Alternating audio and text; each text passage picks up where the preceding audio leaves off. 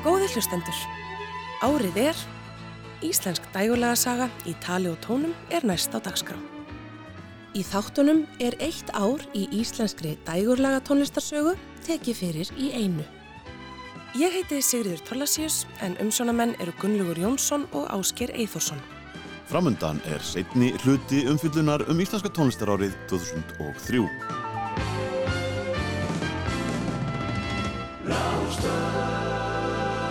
Árið er 2003.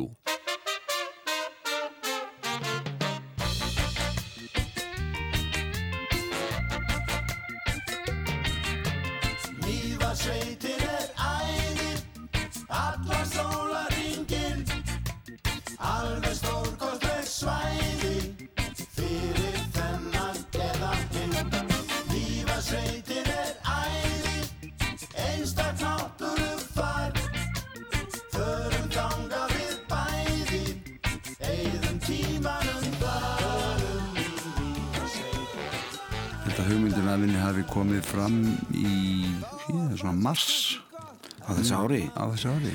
Já, það var uppálega hugmyndi var bara að gera svona sablötu með nokkrum nýjum Já, en við snjórum þessari hugmyndi okkur í hag Já. og komum nýtt efni, frjótt efni og, og sína fram að það að við getum tekið hvað öðrun sem er þannig að ég held að það verið svona í mars, apríl hvort sem við, ákvaðum þetta. að gera þetta svona. Já. það getur alveg passað já, já.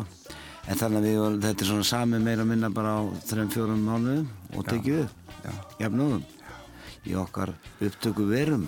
Já, já, við tókum til Hemi á Rónari og Hemi á mér og svo mixuðum við þetta í Túlistúdíónu og uh, þetta var skemmtilegt ferli. Ferli mjög skemmtilegt ferli og mi- e- e- eðalega menni í öllum skipsrúmum og gaman að gera þetta allan tíman. Gunnar Þórðarsson og Rúnar Júliusson töluðum nýja plötu Hljóma sem þeir réðust í að gera voru í 2003 og tilefnið var að 40 ár voru leiðin frá fyrstu hljómleikum þeirra í krossinum í Keflavík og í tilefni tímamótana heldur tónleika í Östurbæ.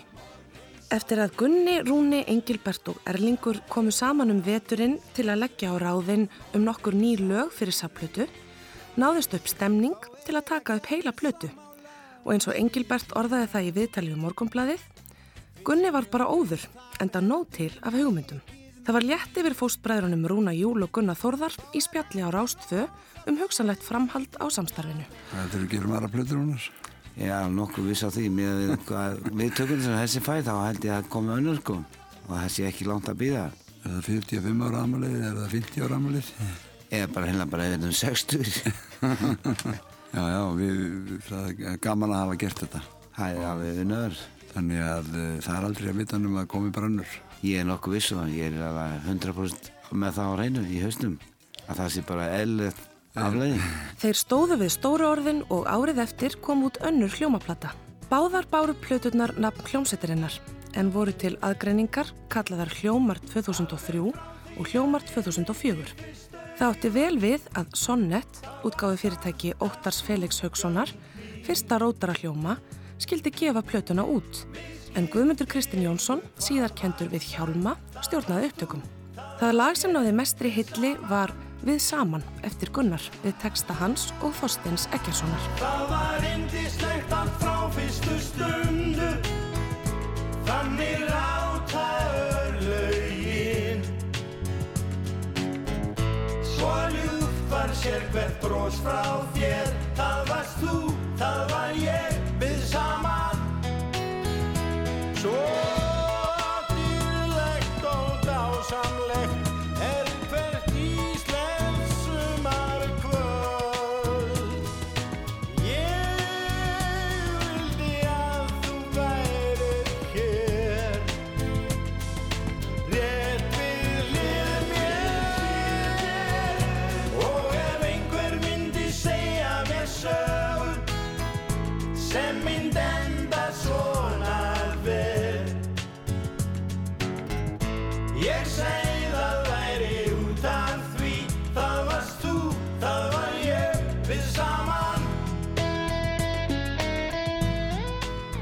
Sérstaklega gaman líka að hérna, Engilbert. Síði þessu formi? Já, já, bara hann kom svona sterkur inn. Já, hann, hann gerir það alltaf, hann vandar alltaf til verksins, allt sem hann gerir. Fyrsta lagi sem hann söng var við saman og uh, hún var heim í að syngja það hann, hann var alveg skýtnervis hann vissi ekkert hvernig þetta myndi koma út Nei, ég hafði ágjur út af því, sko. sko hvort hann hefði það bara ennþá Já, já, einmitt. og hann, ég man þegar hann hlustaði á það tilbaka sko, þá fekk hann sér góðan kaffisopa af Old Java kaffi Já, já. og sagði þetta er bara helviti gott Já, og sjálfströstið alveg dag frá degi. já, Já, sem þarf að vera í svona verkefnum. Og hann smitur út fór sér með það þá aðferðafræði að hleypa engu í gegn sem er ekki lægi. Já, já. Þú nú með það Ég- ég man- greitt í höfðinu líka. Árið er 2003. Tónleikahaldarinn Haugur Tryggvason opnaði græna hattin á Akureyri í byrjun ásins. Í fyrstu voru dansleikir og tónleikar í bland en frá með höstinu 2004 var staðurinn engungu tónleikastaður. Fyrstu hljómsveitinnar sem tróðu upp á upphafsárinu voru rockhljómsveit Rúnars Júliussonar, hljómsveit Péturs Kristjánssonar Gargið og hljómsveit Germundar Valdíssonar.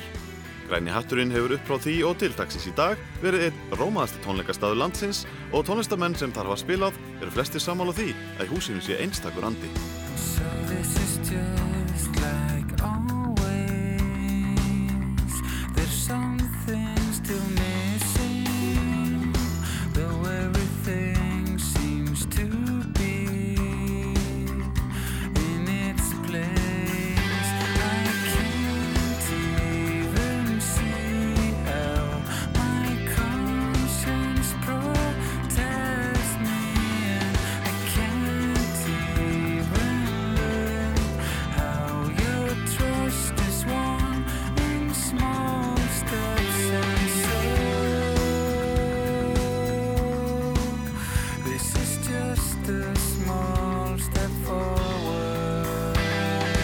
Lægið Kerfsbundin þrá sem er á plötunni í þessi sekundubrót sem flýt er okkar staðista lag af þeirri plötu. Og það er þýskur pródusent sem kemur hérna til Íslands í brúðkaup vina síns, þjóðurinn sem var að giftast íslenskri konu og lendir á borði við hliðina á hún Danna og eru bara eitthvað að spjalla saman og hann fer að kynna sér maus og verður svona hrifin af þessu lægi og hann vill bara fá okkur út til Þýskalands. Hann var að vinna hjá IMI á þessum tíma og myndi eftir að hafa fengið sko þessa plötu eitthvað tíman inn á borð hjá sér frá Steinari en ekkert gefið henni mikla hlustun. En svo þegar hann fer að hlusta á þetta meira eftir hann kemur hérna heim og verður mjög hrifin og þá var nokkur þetta hætta hjá IMI stofna sitt eigið fyrirtæki svona production fyrirtæki og hann vill bara fá okkur út og við förum hann til Dortmund 2002 og tökum upp aðra plötu og þess vegna er það lag á music líka en á ennsku því að það var svona forsenda þeirra plötu var að við myndum gefa út þetta lag aftur Eggert Gíslason, bassarleikari Maus, sagði frá tilviljunum sem örði til þess að við lögin á 50 plötu Maus, Music, voru enskir textar. Platan var tekin upp í Das Studio í Dortmund sömari 2002 og stóð til að gefa hana út undir lok ársins. En piltarnir ákvaðu að fresta útgáfinni fram á nýtt ár og þá hefðu þeir þegar sett titillagið í spilun hérlendis við ágættar undirtæktir.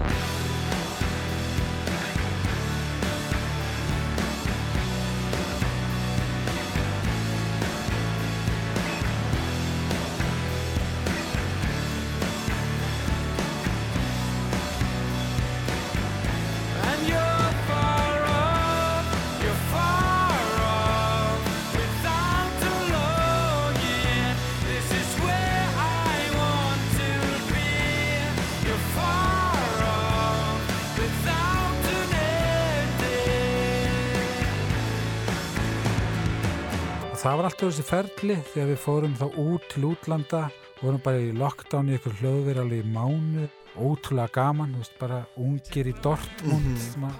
fótboltabæni Dortmund og mikil magic sem var í að töra sem vorum í gangi 1. februar 2003 kom eftirfarandi tilkynning á heimasíðu Maus. Með mikilli ánægju getum við tilkynnt ykkur það að fymta breiðskefun okkar, sem kemur til með að bera nafnið Music, er nú loksins tilbúin. Platan var tekin upp á hljóðblönduð í þýsku innaðaborginni Dortmund og síðan fórum við til London í síðustu viku og lögðum lokahönd á hljóminn. Við erum alveg ríkalega ánægir með útkomuna og getum ekki beðið með að gefa plötun út. Platan kom út 16. júni hjá Smekklesu og fekk fína dóma og var tilnæmt sem plata ársins á íslensku tónlistarveljununum. She's not a trick or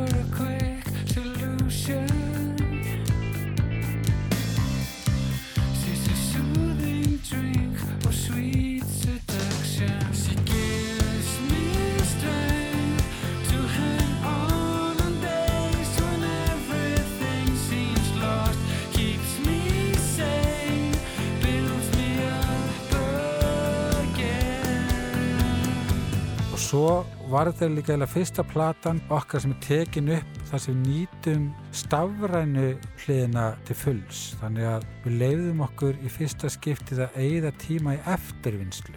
Veist að þegar maður er búin að taka blötuna eins og maður hafið æftana að þá að segja okkur stoppum aðeins, hvað getur við breytist eitthvað, getur við gert eitthvað að laga til og slípað? Og það heyrist alveg á blötunni að við erum bæði bara orðinni miklu betri pródúserar aðna sjálfur, vitum hvað virkar gítarlega séð, Danni að byrja að fykta við elektróník og tengja hann inn í og þannig að þessi plata finnst okkur ennþá í dag algjört svona hápunktur og ég held að sem allir svo gladir að hafa endað þessari blötu. Birgir Örn Steinarsson, gítarleikari og söngvari sagði Óla Palla frá 50 og síðustu plötu Maus, Music. Ívar Páll Jónsson gaf plötunni fjórar og halva stjörnu af fimm mögulegum í dómi í morgumblæðinu þar sem að sagði Maus vera eina kraftmestu og samhendustu hljómsveit landsins sem skilaði sér í þéttri og kraftmikilli spilamennsku. Music væri frábær plata og hljómurinn eitt svo besti sem að mundi eftir á íslensku geislaplötu. Við heyrðum á hann brot úr læginu My Favorite Excuse en hér er eitt af vinsælustu tónleikalögum Maus, Live in a Fishbowl.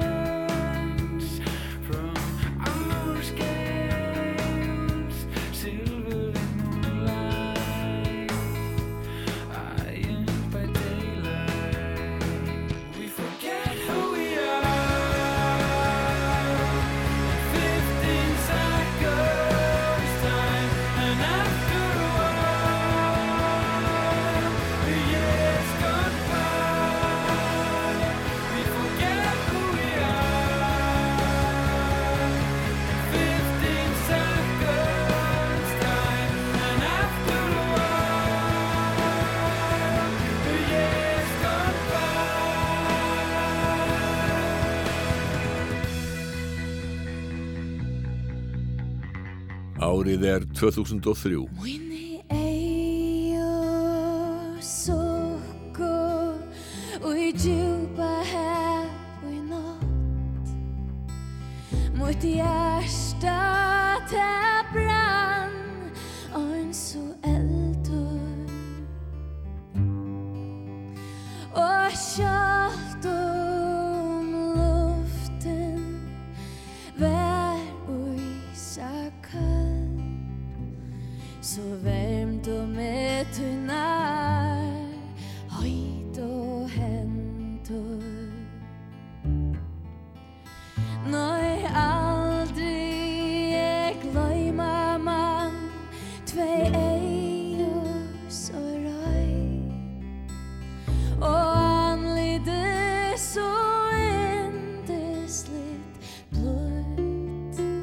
Ævör Pálsdóttir frá Götu í Færegjum setti stað á Íslandi vorið 2002 eftir að Ólöf Kolbrún Harðardóttir söngkennari bauðinni til landsins til að læra söng.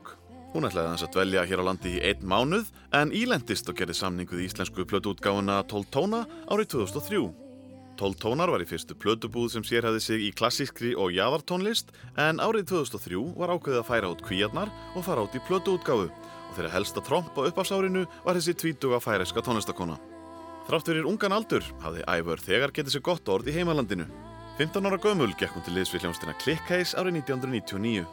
Árið síðar sendi hún frá sér sína fyrstu soloplötu sem bar nafn söngkonunar auk þess sem hún gekk í jazz hljómsdina Ivory sem tróð upp á tónleikum víðsvegar um heiminn. Árið 2001 nældi hún sér í tónlistavölunin Prí Förjar og árið síðar var hún orðin söngkona jazz og þjóðlaga hljómsdarinnar Yggdrasils sem gaf út sína fyrstu plötu það ár auk þess sem rocksveitin Clickcase sendi líka frá sér plötu árið 2002. Önnur soloplata ævarar fekk nafni Krákan og kom út haustið 2003. Platan var hljóðrituð á þremur dögum í Rainbow Studio í Oslo og með henni spiluðu valinkunnir íslenski hljóðfæraleikarar. Pétur Gretarsson á trommur, Birgir Bragason á bassa og Edvard Lárusson á gítar. Hér við brot úr vinsalasta lægi plötunar Nú brennur tú í mær.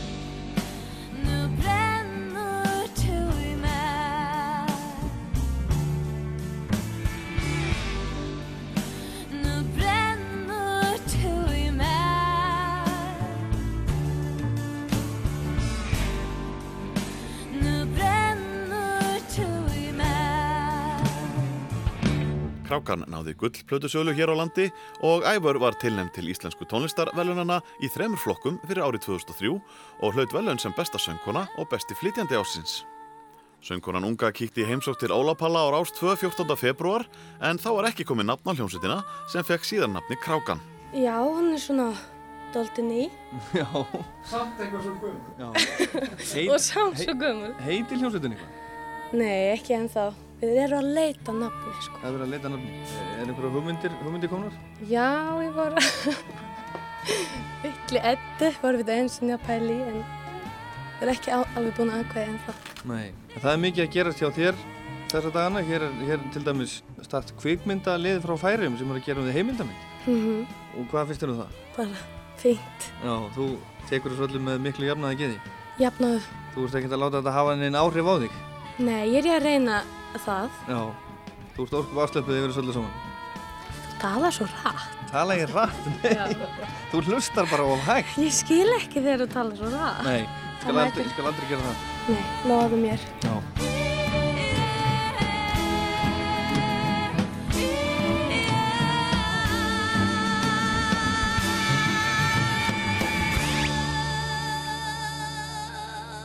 Árið er 2003.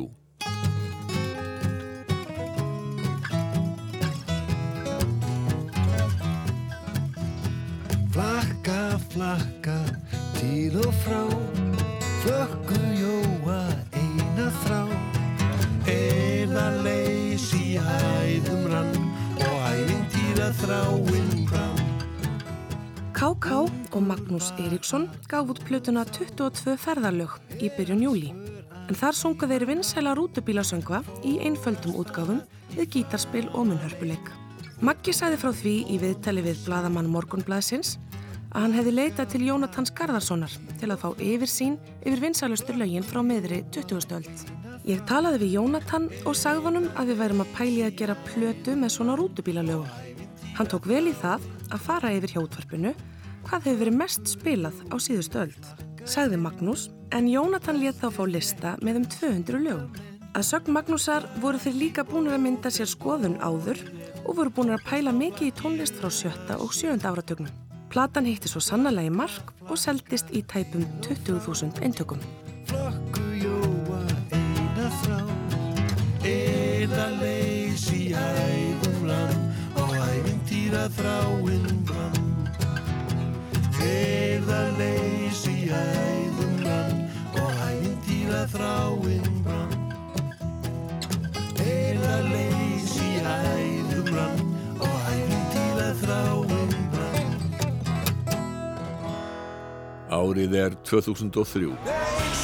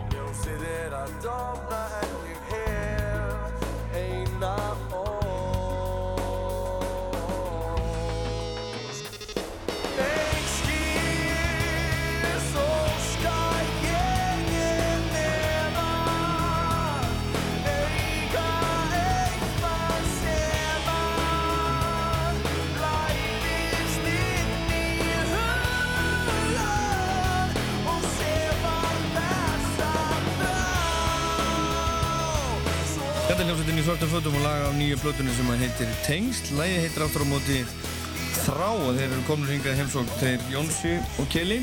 Hljómsveitinni, verðið sælir. Við komið þið sælir og Já, já, blessaður. Já. Þeir eru, eru búin að sitja hérna og leika sér með einhver, einhvern síma sem er líka myndavel. Já, þetta er alveg magnað fyrirbæri. Er þetta hobbyið ykkar í dag? Já, við hérna erum að, ætlum að fara svona blogga, svona myndblogga. Nú er það? Já.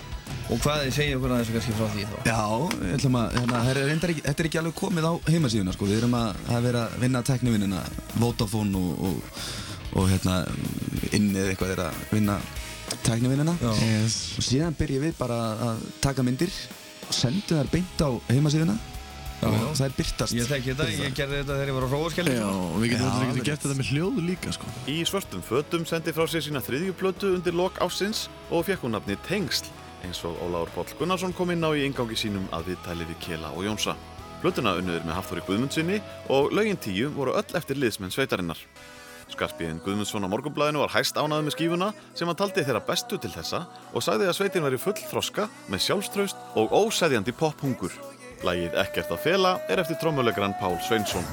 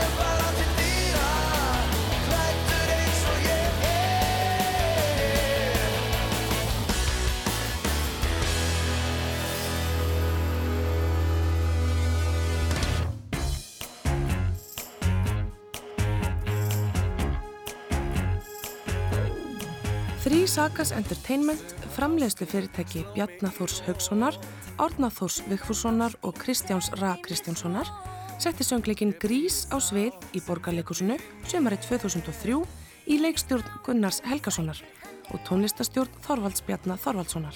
Í hlutverkum Sandy og Danny voru popstjórnur Íslands þetta árið, Birgitta Haugdal og Jónsi í svörtum fötum.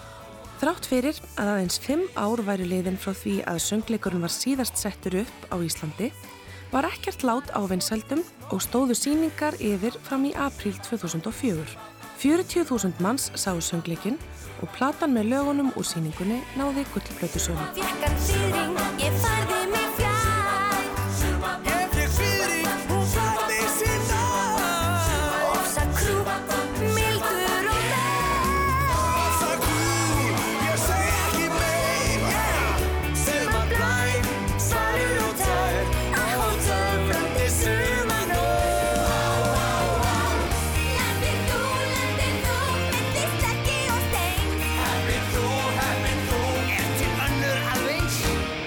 Árið er 2003.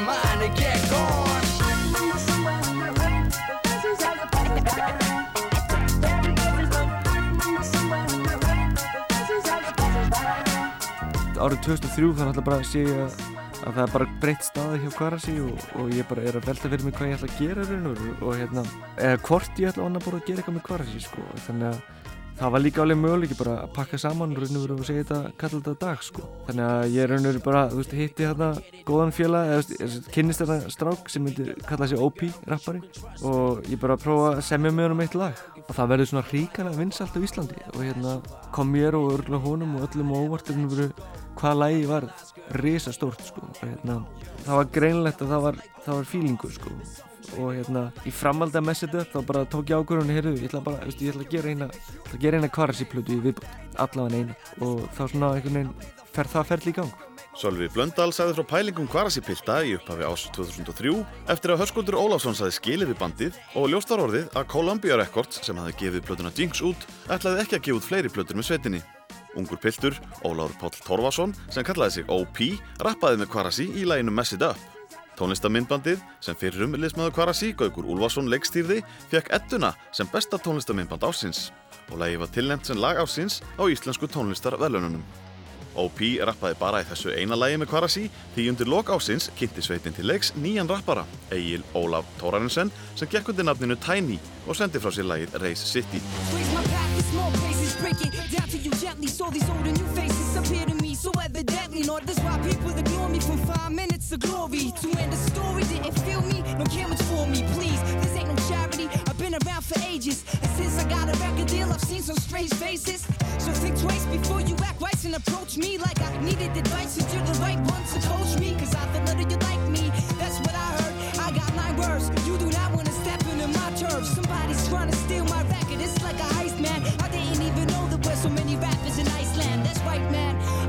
Across some stupid people, kid. You think I'm on drugs? Cause something's boosting my ego. Bring a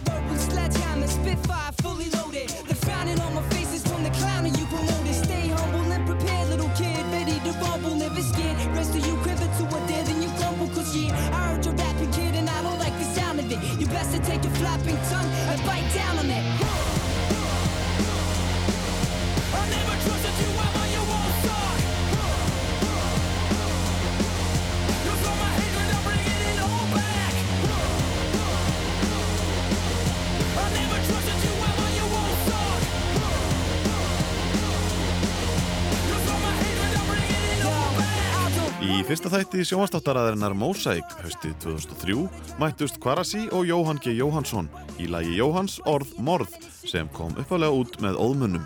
Mikið var lagt í sjónvarsupptökuna og allt gert til þess að ná sviðbari stemmingu og var í upptöku óðmanna frá 8. áratögnum. Stöttu síðar kom út sapplatan Gullkorn Jóhanns G. Jóhannssonar en heiðurinn af útgáfunni átti Sölvi Blöndal.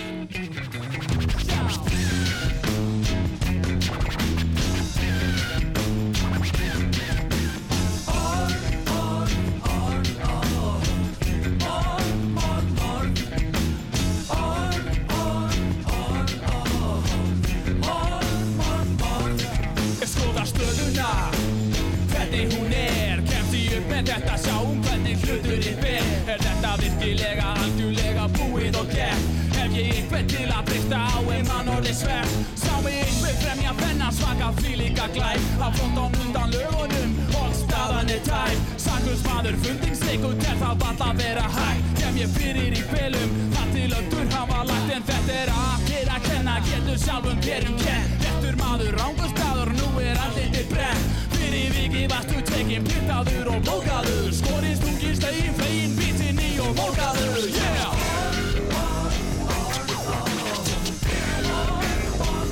Já, já Árið er 2003. I can feel what is wrong. I can do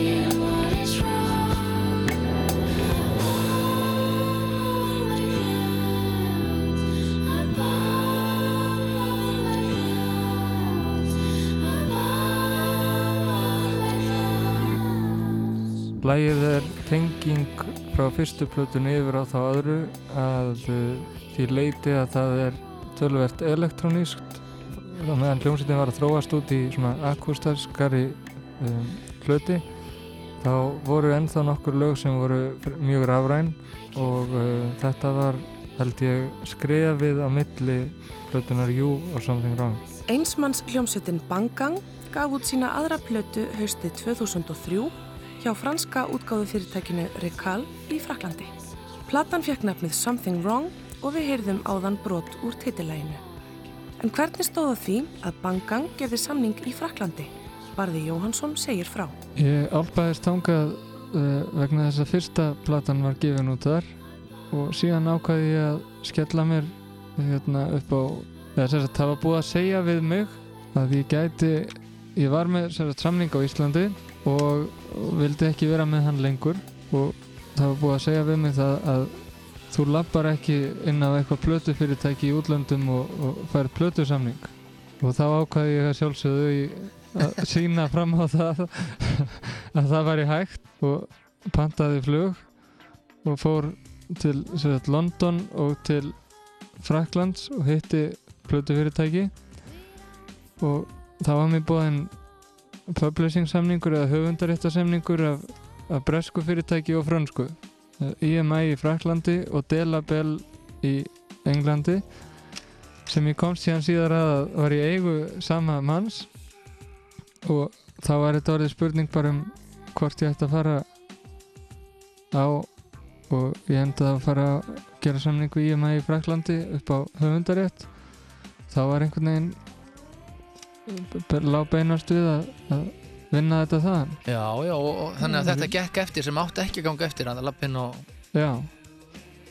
útgöðu ég- fyrirtækis. Einmitt.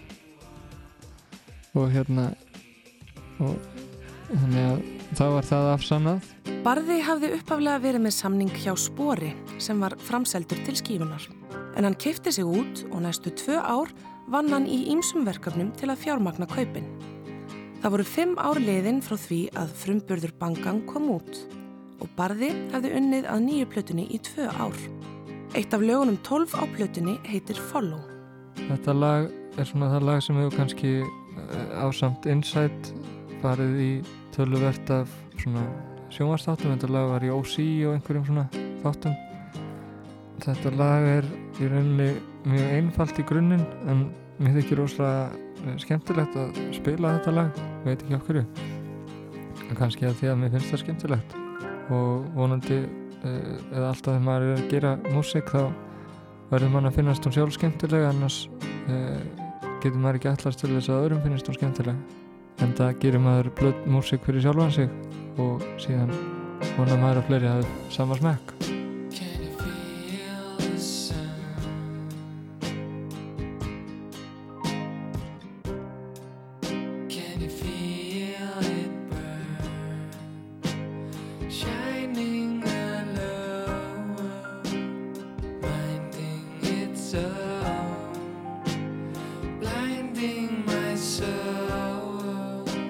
It gets me higher.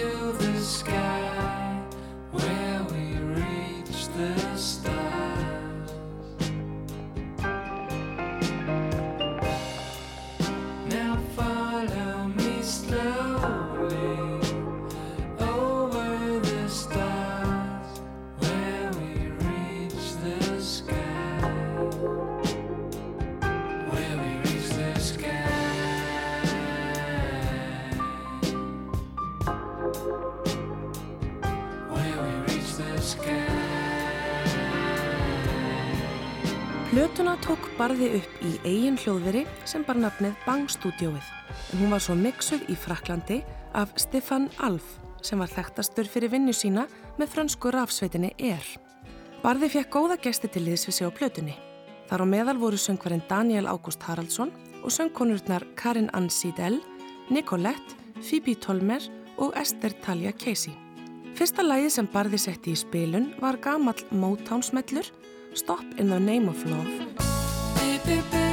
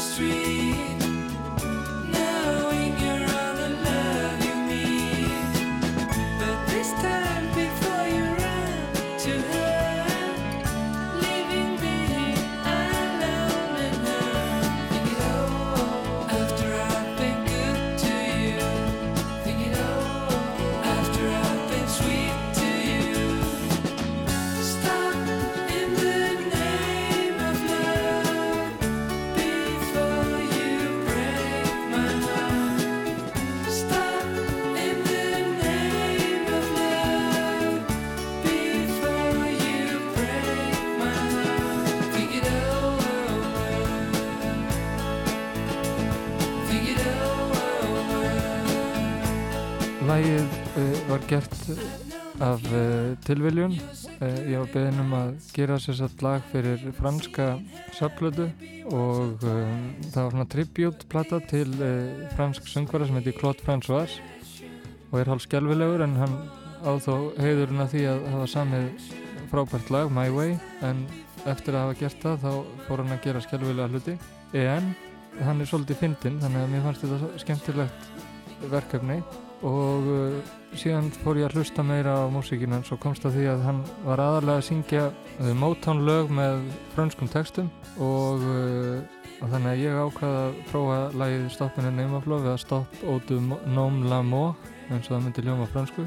Sönga á frönsku og útkoman var herfileg þannig að ég prófaði að syngja það ennsku og útkoman úr því var góð.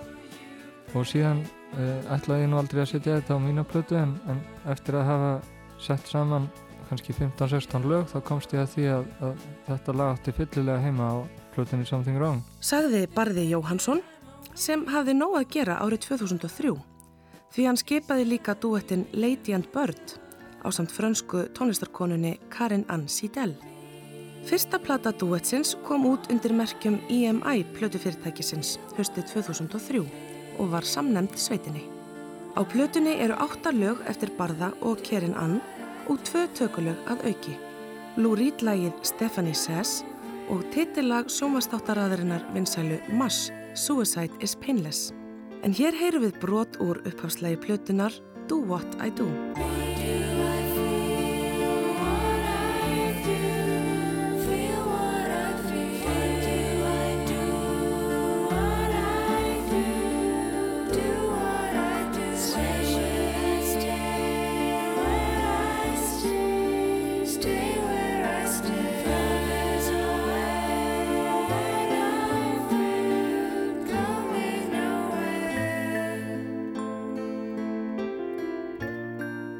Árið er 2003.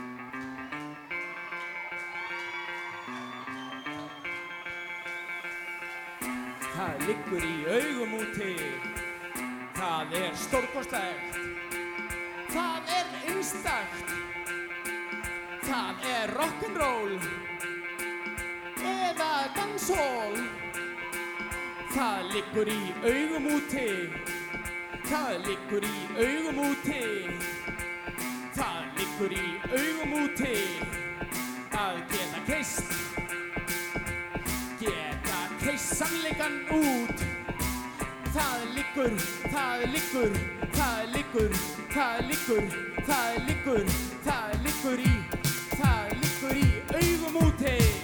Það liggur í augum úti. Það liggur í, það liggur í, það liggur í, það liggur í, liggur í, liggur í, liggur í, liggur í augum úti. Liggur í, liggur í augum úti. Æsland Airwaves tónlistarháttíðin var haldin í fymta sinn um miðjan oktober. Líkt og árið áður voru ekki haldnir stóri tónleikar í lögutarsöllinni en háttíðin dreifðist á nokkar tónleikastadi í miðborg Reykjavíkur. Rást 2 var á svæðinu á vanda og hljóðritaði nokkra velvalda tónleika og hér heyrðu upptöku á því þegar síkumólin Einar Örn Benediktsson steg á stokk með Guðskus og söng Augun úti, gammalt lag úr smiðju Purks Pilnik. En fjórum árum síðar samplaði Guðskusflokkurinn aðalstefinu í læginu við lægið If You Don't Jump You're English á plötunni Forever. Fjöldin allar af íslenskum flytjendum tróð upp á Airwaves 2003 en af erlendum flytjendum sem mættu til leiks má nefna Matthew Herbert, einn af samstarfsmönnum Bjarkar Guðmundsdóttur á plötu hennar Vespertine, bresku bluespunk-sveitina 80's Matchbox Beeline Disaster, bandaríska dúóið Kills, einn færasta beatboxara Breitlands Killa Kela og þíska ráftríóið International Pony. Ólafur Páll Gunnarsson gerði hátíðinni góð skil í Rokklandi og hann tók tónleikagesti tali. Einn skemmtilegasta litla plödubúðin í Reykjavík í dag er 12 tónar á skólaverðustygnum og einn af aðalspöðunum þar er kaupmaðurinn Lárus Jóhannesson og hann var ánægð með Airwaves þegar ég spjallaði við hann í gær. Bara ótrúlega flott hátíð. Mætingin alveg fram á björstustu vonum, veist, á öll atrið og svona. Bara öllum til sóma. Þetta er svo hvetjandi fyrir tónlistarlifi allt árið í landinu. Og svo auðvitað, eins og í mínu tilfelli að því ég er ekki vestluna, þá auðvitað er ég að hitta fullt af fólki sem ég er í ópersonlegum samskiptu við, veist, allt árið. Þannig að það er auðvitað mjög skemmtilegt. Þetta var á förstu daginn, snemma á laugardaskvöld. Í gerkvöldi hitti ég önnu Hildi Hildibránsdóttur sem hefur búið árum saman í London og starfar þar í dag sem umbóðsmaður hljómsveita og tónlistamanna auk þess sem hún er að vinna fyrir smekkleysu. Ég spurði hana hvernig henni litist á Airwaves í ár. Mér finnst svona alveg frábær, mér finnst þetta, ég er búin að koma á, þetta er þriðja held ég, eða fjórða sem ég kemur núna. Mér finnst þessi langskemmtilegust og einu ástæðanum fyrir því að það er allt hérna nýri bæ, engin lögadarsöll og líka alveg ótrúlega góð bönd í gangi. Ég fer tölvöld á svona tónleikaháttir og mér finnst það stundum alveg ofslega leiðilegra því að þetta er svona eins og maður kalla bransakjáftæði en Airwaves er ekki bransakjáftæði, Airwaves er bara partí þar sem allir hafa gaman að spila og koma fram og eru vinnir og, hérna, og það er bara góð stemming, það er gott að koma yngar og útlendingarnir sem koma með mann hérna, þeim finnst gott að koma hérna, þeir koma og þeir hlusta á tónleikana, þeir standa í hálftíma.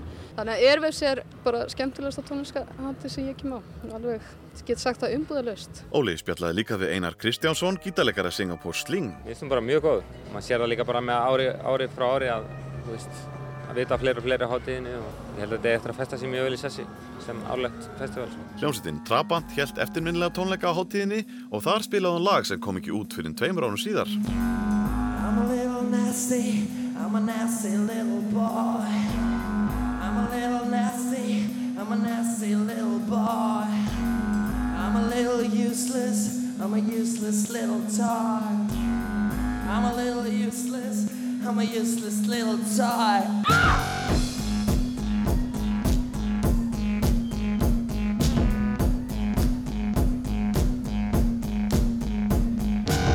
You're a little crazy, you're a crazy little sexy girl. You're a little crazy, you're a crazy little sexy girl.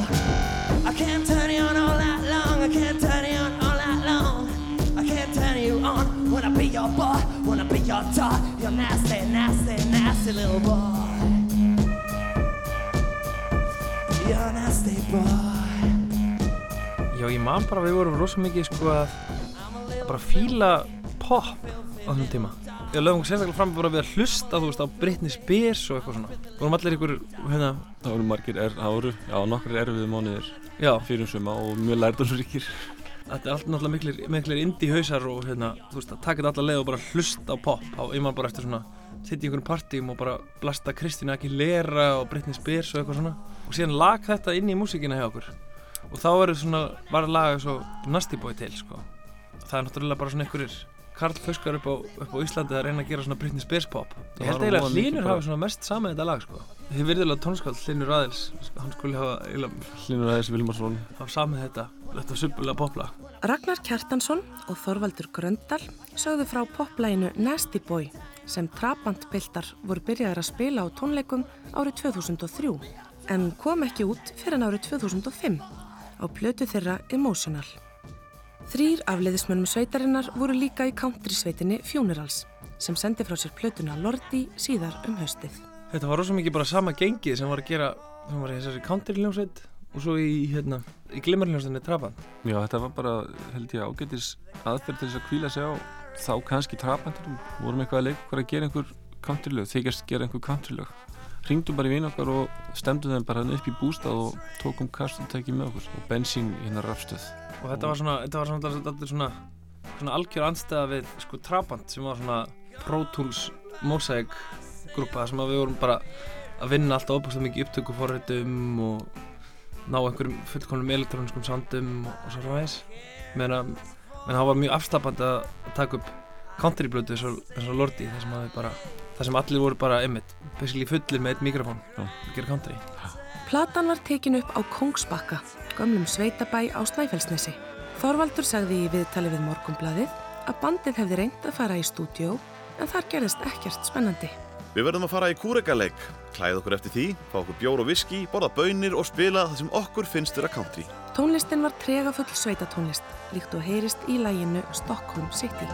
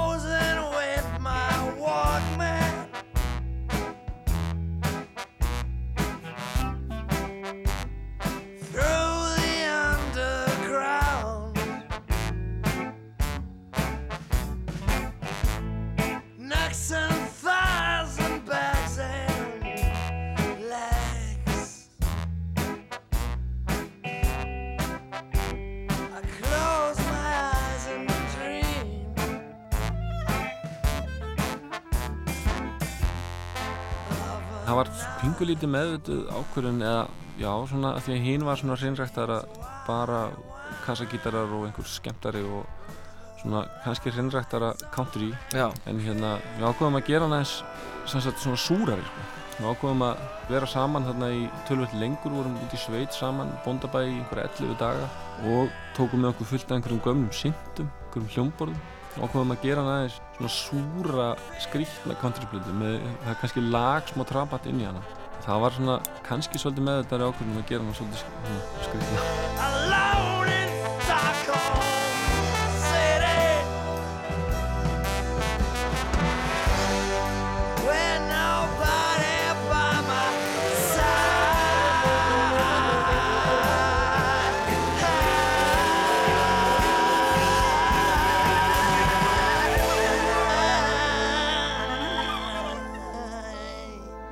Árið er 2003. Í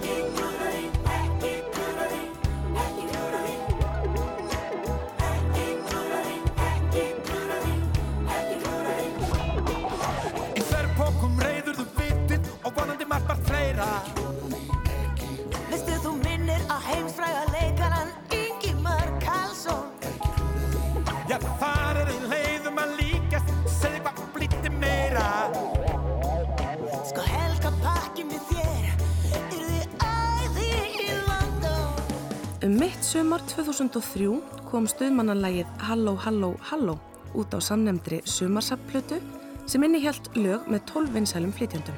Þetta var eitt allra vinsælasta lag ársins en það var til í vikulangri vinnuferð stuðmanna á Snæfellsnesi. Hópurinn gisti í hennu nýja hóteli á Búðum og setti upp hljóðverð í Böðvarsholti. Afraksturinn var 60 lög og nokkur þeirra voru svo fullkláruð fyrir plötuna Stuðmenn á hlýðarenda sem kom út undir lok ársins og við heyrðum brot úr læginu ekki klúðraði. Þegar leið á sömarið kom í ljós að stuðmenn voru komnir á fullt ásamt Ágústi Guðmundsinni við handritsvinnu fyrir kvikmyndina í takt við tíman, sjálfstætt framhald innar vinsælu myndar með allt á hreinu. Tökur hófust í Kaupmannahöfn 12. september og daginn eftir heldur stuðmenn heilmikla tónleika í Kristalsalnum í Tífóli fyrir 1200 manns. Þaraf voru 600 tónleikagestir mættir frá Íslandi til að sjá stuðmenn leika loksins í Tífóli eins og tilstóð í lok myndarinnar með allt á hreinu rúmum 20 árum áður. Rás 2 stóð fyrir stórtónleikum á Hafnarbakkanum í Reykjavík á menningarnótt 16. ágúst. Var þetta í fyrsta sinn sem stórtónleikar Rásar 2 voru haldnir, en þeir hafa síðan verið fastur liður á menningarnótt áður en flugeldasýningin hefst og síðust árin hafa tónleikarnir verið kallaðir tónaflóð. Stuðmenn, Sálunarsjónsmins og Kvarasi tróðu upp og var spilverkinu útvarpað til allra landsmanna í beinni útsendingu.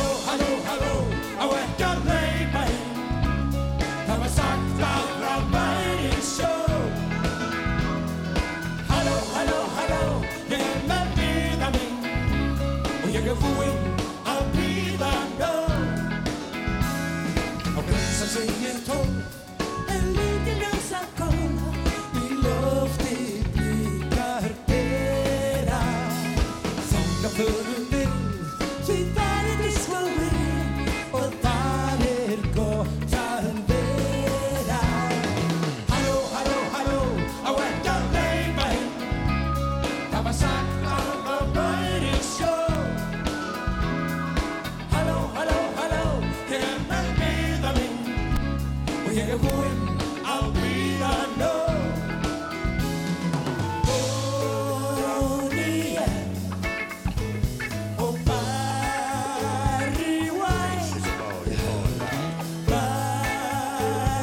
You.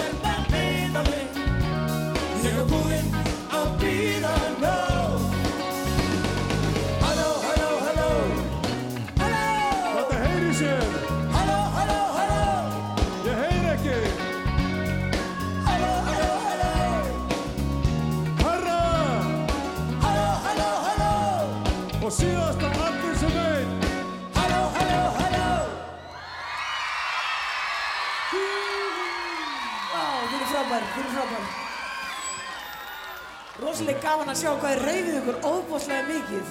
Jú. Ok, Tómas Tómasson Í tilefna af ammali Rásar 2 erum við stödd hérna 20 ára ammali Rásar 2 Gefum Rás 2 gott klapp. Frábært útvarp, lengi lifi Rás 2 Takk fyrir öll góða árin, Tómas Já, og við þakkum, við þakkum þetta Rástvö fyrir að hafa leikið íslenska tónlist allar götur í 15 ár. Hafa þeir, já nánast einu stöðva auðvitað hafa komið stöðvar ár og ár og svona í tímabilum en Rástvö þeir hafa leikið íslenska tónlist allan tíman þökk sé þeim Einmitt, einmitt Þið vitið, ve- hvernig getum við lífað án Rásar 2? Ég meina, þetta er mjög einfalt. Þetta er eins og málarar get ekki lífað án stiga. Jenny! Ég veit allavega að þeir hafa spilað ótrúlega mörg lög með mér Árið er 2003.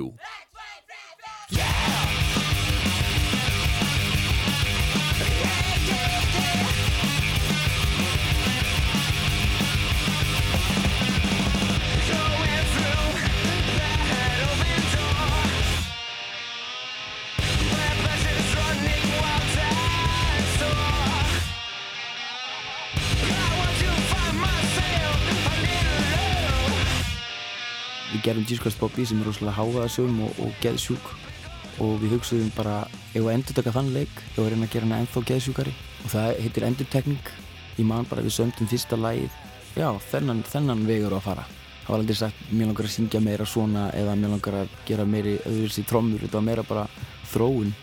Og líka þegar við vorum svo rosalega mikið að hlusta á, á vinsmöldi músík ég held að það hefði bara hjálpað þróuninni. Fólku hefur með þess að sagt að þau hefum svona sold out harkjarnar sinna en, en þetta var alls ekki veginn meðvutu til að fá meiri spilun. Það var veginn ekki það sem við vildum sko. Sko þeir eru aldrei hrifnir að gefa út uh, sömu plötuna tvísvar sko. Þú Hey Johnny er bara einhver hardcore plata Tískrast Bobby, einhver svona noise metal plata. Og síðan ákveði bara allt í henni að gefa út Halldór Laxness. Og hún átti bara að vera bara rock, bjúra rock, bara harra leveli. Þú veist, þá ákveði að krummi hægt að öskra.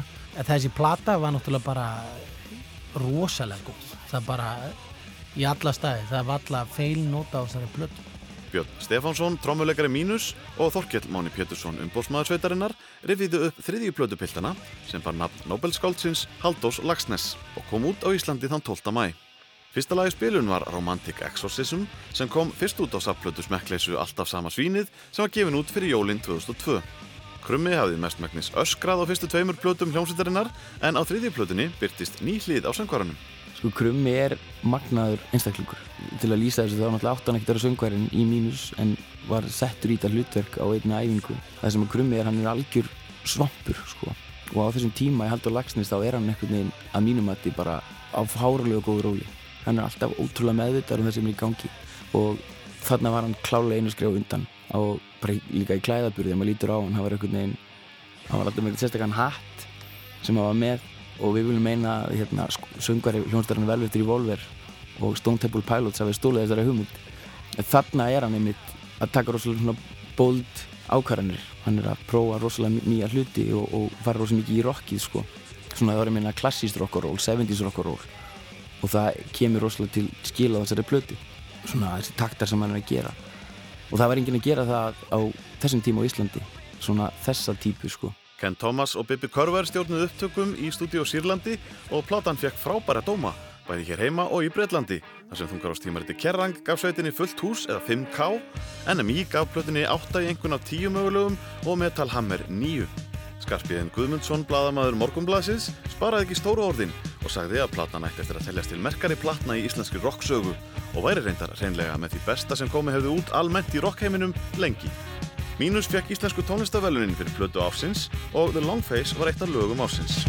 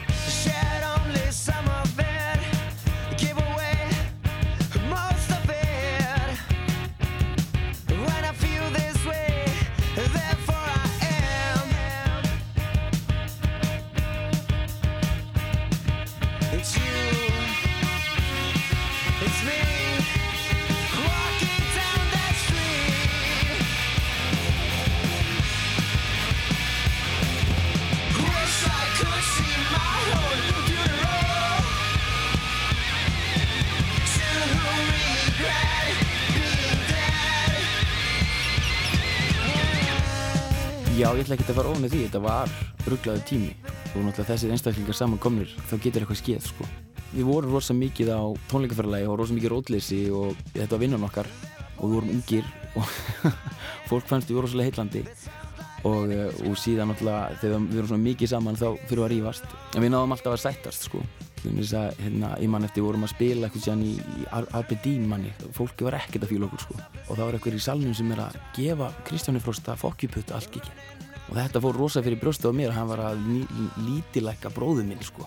og ég sem sagt fæ pásu og þá bara ómöðu þetta stendi ég labbaði þessum manni og gefa hann bara á kjæftin og síðan labbaði eftir og setti hann og held áfram og hún er mér hend út sko. þetta fannst mér rosalega lógist, lógist á þeim tíma bara, það var nóg vitleysa þarna fyrir sko.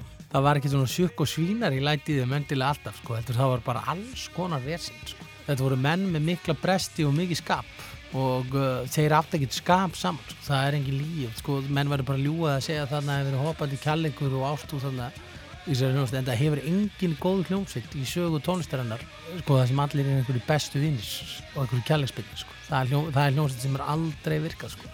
eitt skipti vorum við nú hérna með ellenda pressu og ég voru strákandi fyrirgeðið mér sumt af þess sem ég er að segja sko, að þá hérna kom hérna eitthvað maka sem nú ætlaði að skrifa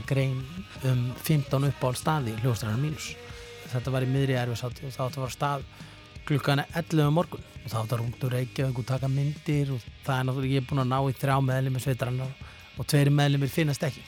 Og það er náttúrulega hringt um alltaf en að vekja þá sko. Og síðan uh, náum við um að finna fjórða meðlumin og það er svona klukkan á 12 og þetta var náttúrulega ekki enda á alveg að ganga. Búin að vera með blaðmann og ljósmyndar bara í vaninum sko í tvo klukkutíma. Þegar við finnum síðan síðasta meðlumin um 1,5-2 leitið þá átti ég að snúum við að, að blaðmann og ljósmyndar voru tilkynnaður gleði frettir að við hefum fundið 15 meðlumin en slemmi tíðindin að hann var í fangilsi og kem ekki út fyrir klukkan 6 en blaðmannum fannst þetta náttúrulega bara stórkostlegt bíó sko. þetta byrtist síðan eh, DFF ákvaða þýða þetta viðtal.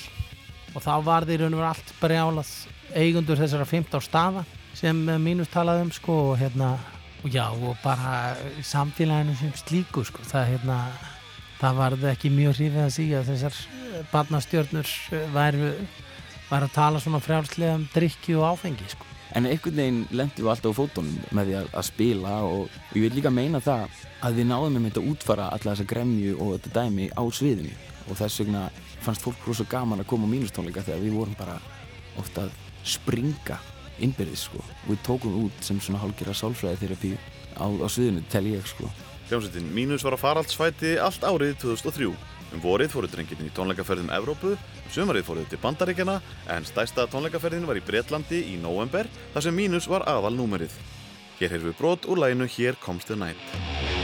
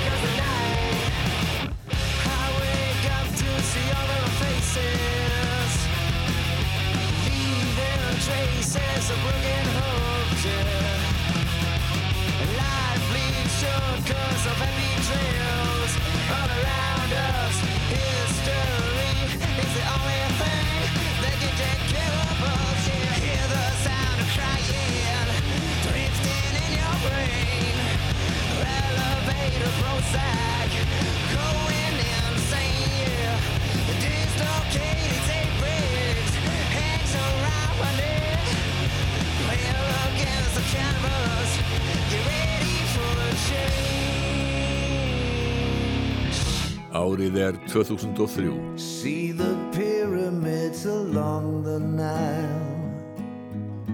Watch the sunrise on a tropic isle.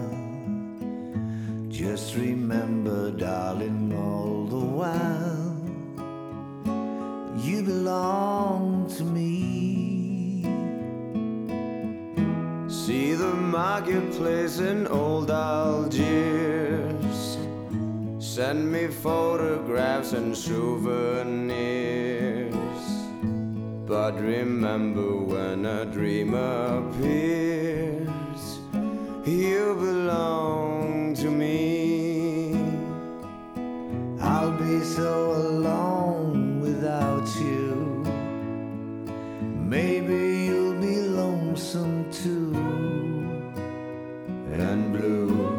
Björgvin Halldórsson og Krummi, sonur hans, sungu duettin You Belong To Me og það fer ekki á milli mála að Oddur Rapp sækir ímislegt til föðu síns.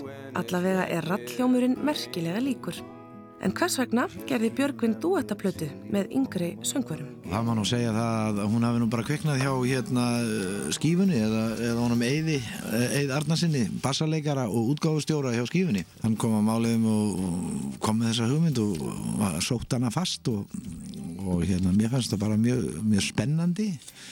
Líka að taka þarna nýlög og kannski einhver svona coverlög og og fá alla þessa ungu frábæru söngvara til þess við okkur. Og ekki síst að, að, að með öðru verklagi heldur en ég hef unnið undanfarið það var þannig að, að fá aðra pródusenda en ég hef vanalega fyllt blötunum mínum alveg frá A til Ö nánast öllum. Alveg þangur til að ég setar nánast í hillunar í bónus. Ég meina já, já. en lítið land og allt svo lis tek bara stiga með mér já, já. en nei, það var ákveðið að fá pródusenta sko, sem sagt uh, Þórir Baldursson Jón Kjellselisið, Fridrik Karlsson uh, Þórir Úlvarsson og Sölva Blöndal og Kvarasi og þessi blanda var náttúrulega alveg frábær og, það, og þar að leiðandi eru, plöð, eru lögin og meðferðin svolítið fjölbreytt og skemmtileg sko. Já. og svo var líka lögð áherslu á það að láta meðsöngarana þau eru stjórnundar sko. Þeir sem sungu með bjögga á plötunni fyrir utan börninans Krumma og Svölu voru Sverrir Bergmann, Sigga Beintins, Steppi Hilmars, Páll Rósenkrans, Leóni Tinganelli, Birgitta Haugdal, Regina Ósk og Hansa, auk Jónsa í svörtum fötum, sem fer á kostum í læginu Hvað vita þeir? sem er upprunalega ítalskur slagari eftir Biagio Antonacci, en íslenska tekstan orti Fridrik Erlingsson undir dunnefninu Karl Mann. Einhverjir sögðu mér það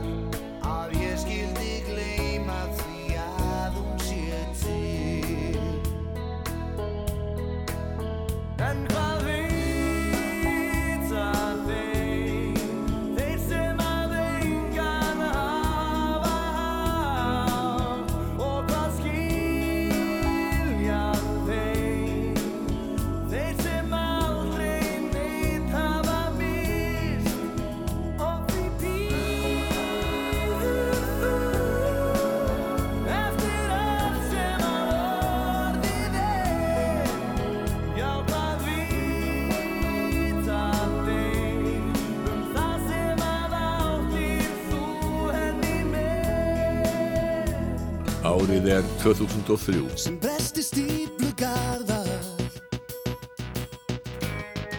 og streymi heitt og kast á einu auga bræði það virði stendur nýja stast En mér fannst þessi, mér fannst það rosalega gaman að vinna þetta í, í leikúsinu og, og allur þessi, þessi prósis og að vinna með þessu frábæra fólki þarna í borgarleikúsinu, leikurum og, og dansflokkurinn íslenski var þarna líka. Hilmar Jónsson var leikstjóri. Karl Ágúst Úlfsson, hann tók það vannþakláta hlutverkarinn að koma þessir í sögu í, í horf sko. Þannig að þetta var hver snillingurinn og fættur öðrum hérna og, og við spilum hérna á samt Jóni Ólarsinni sem var tónlistastjóri og uh, þetta bara gekk mjög vel og hefnast bara vonum fram að sko og þetta voru svona skipta skoðanir um, um, um þetta allt saman eins og gerist og gengur en því maður lítur tilbaka í dag þá bara skil ég ekkert í manni hvernig maður í úrskopunum hafði punk í að gera þetta Guðmundur Jónsson sagði frá söngleiknum Sól og Máni sem var frumsýndur í borgarleikusinu í byrjun ásins. Árið 2000 lagði Guðmundur metnaðafullt plan á borðið um tvær plötur sem átt að leiða til söngleiks. Allt gekk þetta eftir og frá útkomuplötunar logandi ljós árið 2001 vann Guðmundur á því að kynna hugmyndina í leikusum borgarinnar. Guðjón Pettersen, leikustjóri borgarleikusins, ákvaða að láta slagstanda og Karl Ágúst Úlsson og frengi til að leikstýra verkinu. Sól og Máni var sínt 33 sinnum á fjölum borgarleikusins og lagið á einu augabræði var samið sérstaklega fyrir söngleikin.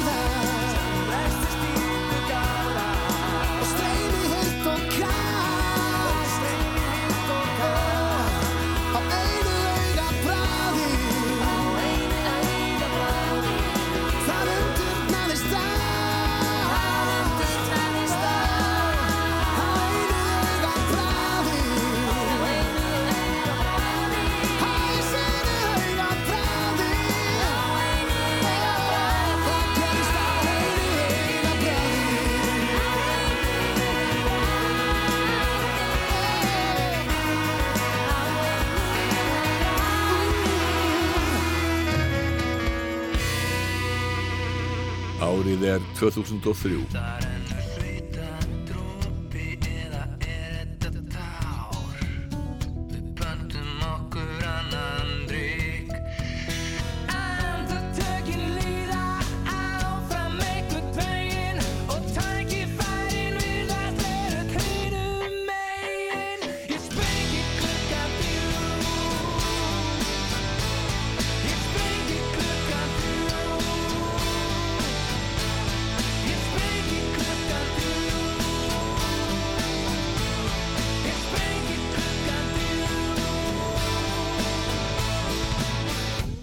Hljómsveitin Miðnes gaf út fyrstu plötuna sína árið 2000.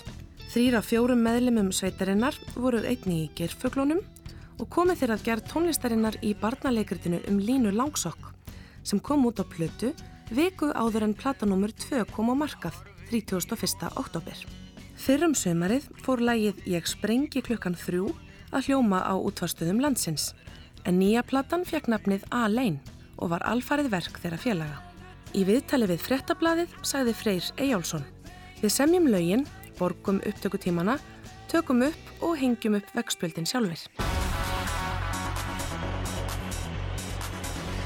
Já, stöðin hafi sínt uh, vetturinn 2003 uh, fyrstu American Idol seríuna og það svona kveikti í mönnum hvort að þetta var eitthvað sem við getum gert og, og þessi þáttu kemur upp alveg frá Breitlandi, hérna Pop Idol, þeir framlutu reynda bara tvær serjur en American Idol var svona náttúrulega og er stærsti þátturinn hinga til og verður það. Dagskastjórinn þá verðandi Pál Baldin, hann kynnti þetta fyrir mér og, og okkur heimi Jónasinni sem var aðstofa dagskastjóri og við fórum að staða að undirbúi þetta og um hausti þá heldum við ávartanpröfur á hótelloftleðum og, og þar byrjaði þetta, það komu, það skráði sér vel á annað húsmanns í keppnina og, og, og það var alveg ótrúlega mæting. Síðan fer þetta í gang og þetta einhvern veginn bara hér eins og annar staðar, þetta virkaði og fólk horfi og fannst þetta frábært. Það hafði ekki verið svona þáttur í, í íslensku sjónvarpi af svona þessari stærðagráðu kannski, það hefði verið, jú, söngakeppnin hefði náttúrulega verið og, og, og hérna landslæðið en, en svona hæfileika keppni hefði ekki verið. Þór Freysson, framlegandi ædol stjórnuleitar, rifjaði upp söguna því þegar stöð 2 ákvaða ráðast í gerð þáttaraðar um stjórnuleit sem hafði sleiðið í gegn fyrst í Breitlandi með Pop Idol 2001 en árið síðar var þátturinn komið til bandarækjana og þá fekk hann nafnið American Idol. Skömmu síðar var hann svo kominn í Íslands sjónvarp. Meðal þeirra sem komist í gegnum niðurskurðin í Idol stjórnuleit og alla leið í úslita þáttinn var Anna Katrín Guðbrandsdóttir sem syngur hér lagið Ekkert breytir því. Fleiri stundir, fleiri mínútur Fleiri orð, fleiri nætur Fyrir þig Dómnefndin er náttúrulega eitt af stórum málunum í, í, í þessari keppni.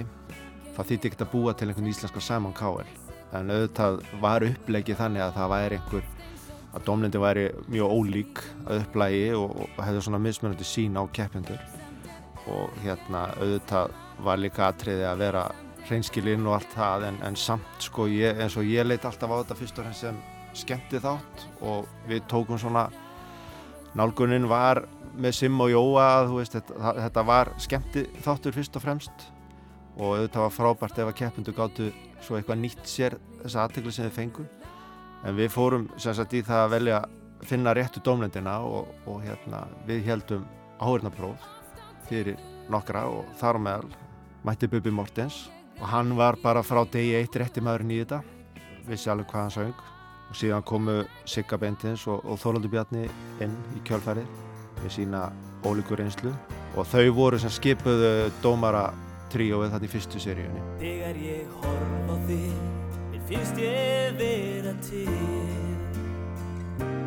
Allt verður auðveld, allt verður einfald Getur verið að samanlaða sálir geti einhverju breytt Úslita þáttur Idol stjórnuleitar fór fram í vetrargarðinum í Smáralind 16. janúar 2004 og það má eiginlega segja að ríkt hafi hálgjört Idol fár á landinu.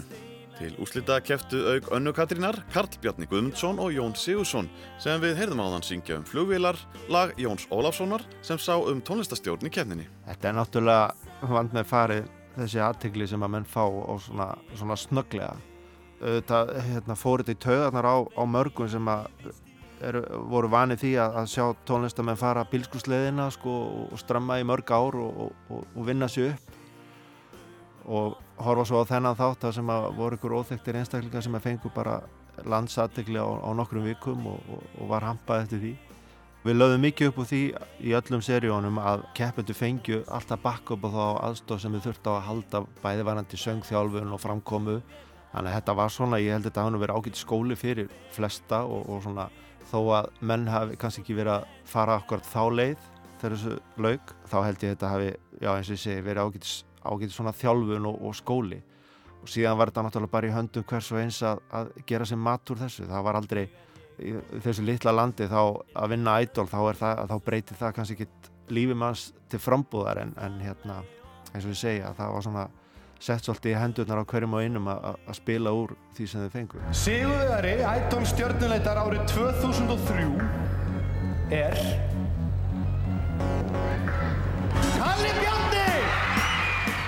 150.000 atkvæði voru greitt í símakostningu og sigurvegari var sjómaður frá Grindavík, Karl Bjarni Guðmundsson. Kalli Bjarni hlaut 49% atkvæða, Jón Sigursson 32% og Anna Katrín 19%. Kalli Bjarni hlaut að launum plötusamning og möguleik á því að hljóðrita plötu með Þorvaldi Bjarnar Þorvaldsinni. Öll sunguðu nýtt lag á úrslutakvöldinu, aðeins einu sinni eftir Jón Ólafs við texta Steppa Hilmas og hér erum við tólkun Kalla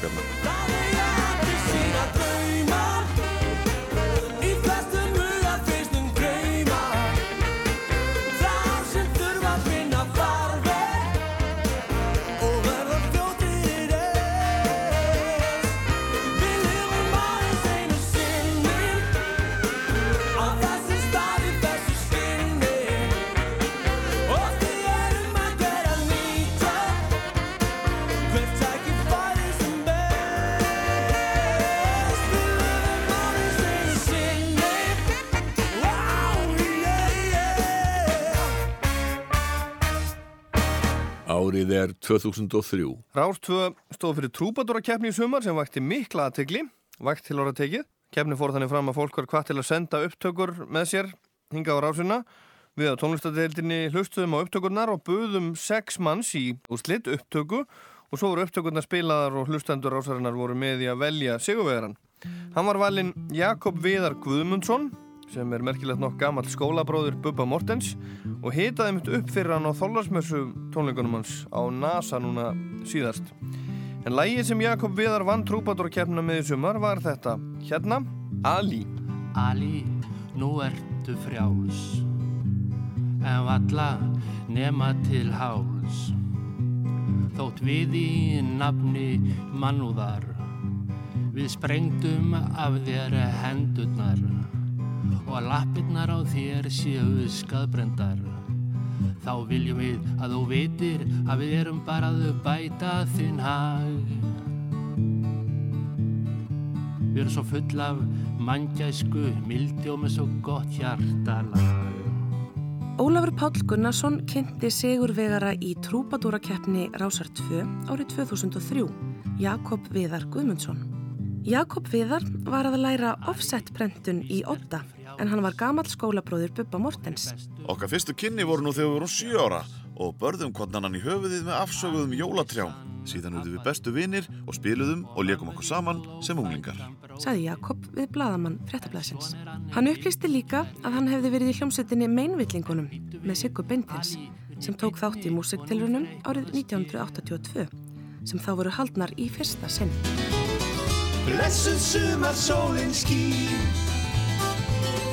Svona líka björnt og fín. Sendir æst í glens og grín. Geisla sína inn til því Kemst á klaka hjúpin los. Kviknar jafnvel gammal brós Allir finna indi sig Opnaðu nú hjarta þitt Ríó Tríó létt aftur í sér heyra þegar platan utan af landi kom út undir lok árs 2003 en tríóið hafði ekki gert nýja plötu í sjö ár.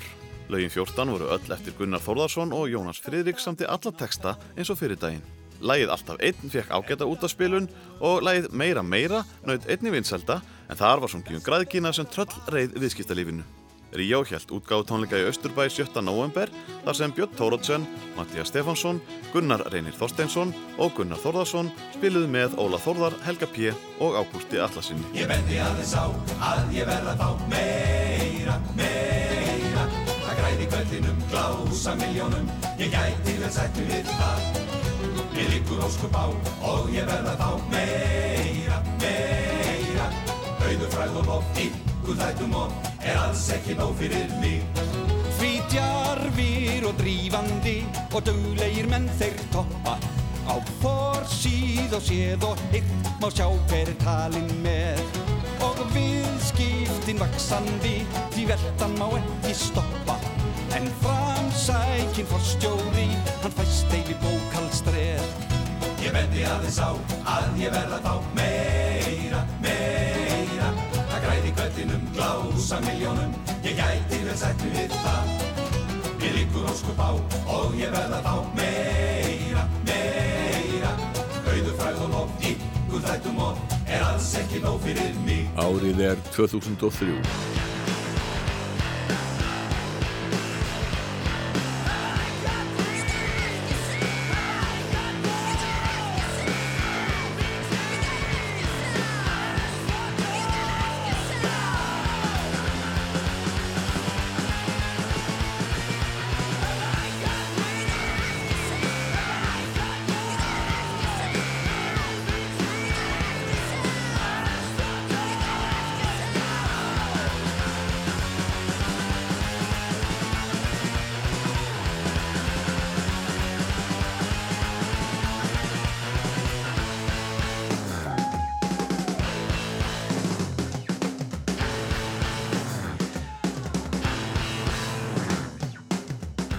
Við náttúrulega svo ákvaðum að syngja hana ösku að því að hún var gefin út í Nóri af norsku fyrirtæki.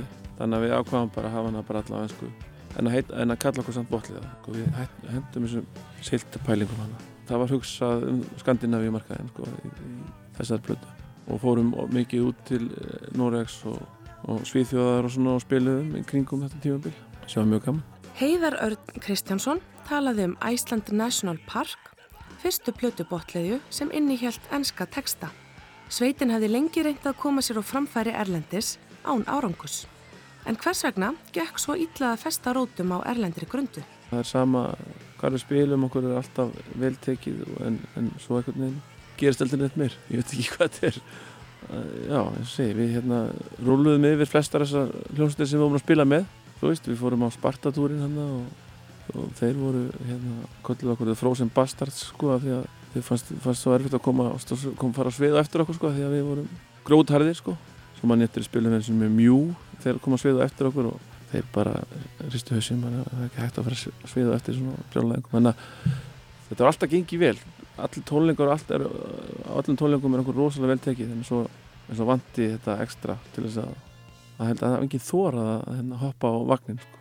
það var of eitthvað Iceland National Park var fyrsta plata sveitarinnar í þrjú ár og botliðu piltar fengu svislenska upptökustjóran Sven Malla til að taka hana upp í æfingarhúsnaði strákana og hún var svo hljóðblönduð í stúdíó Sýrlandi. Eftir frábæra framistöðu í söngvakeppni sjónvarsins var við hæfi að Eurovisa fengi að fljóta með en með ennskum texta hér lægið Human Click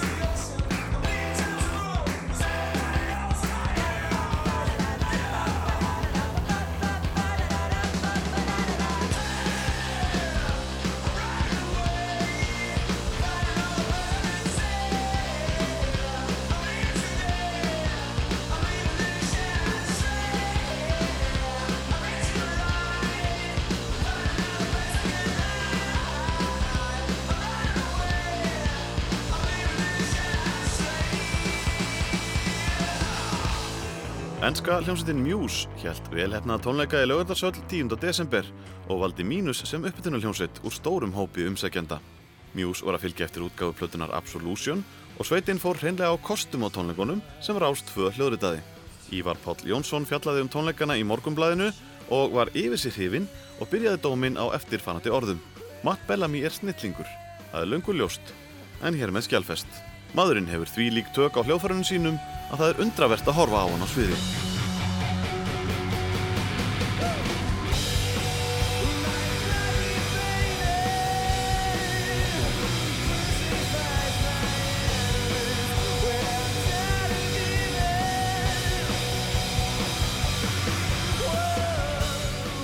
Bandaríski jazzpianistinn og söngkonan Diana Kroll kom til landsins á samt unnusta sínum, breska rockaranum Elvis Costello og var uppselt á tónleika hennar í laugadalshöll 9. mars.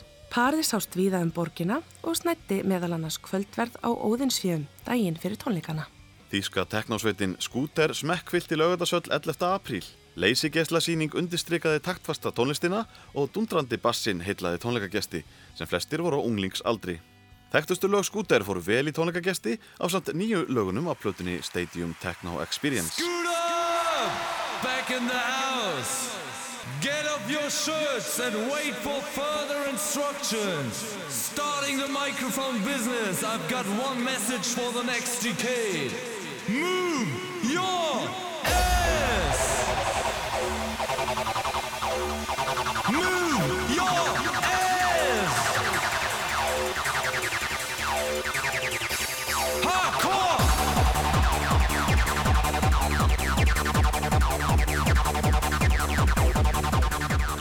Árið er 2003.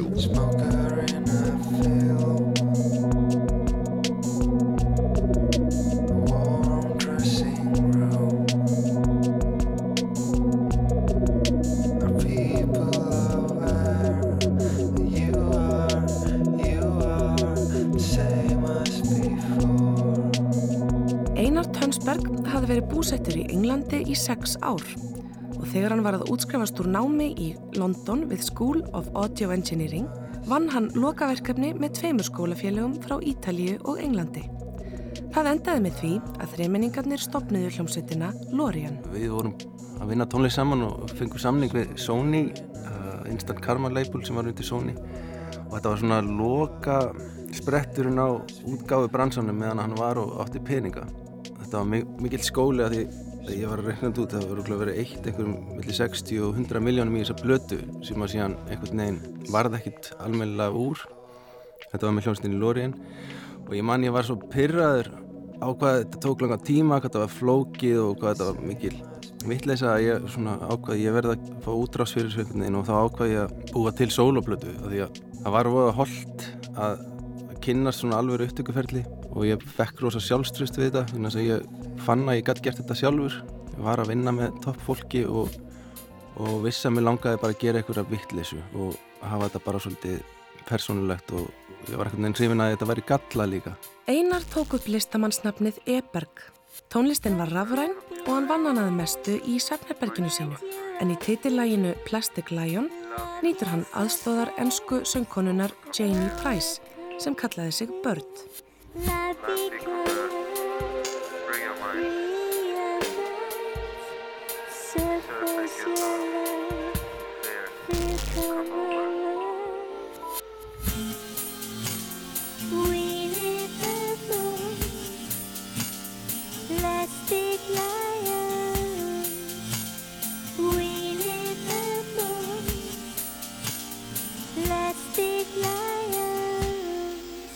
Já, hún kom út uh, á label sem heitir Rotator og er frá Oxford og útgáfan gekk bara vonum framar sko.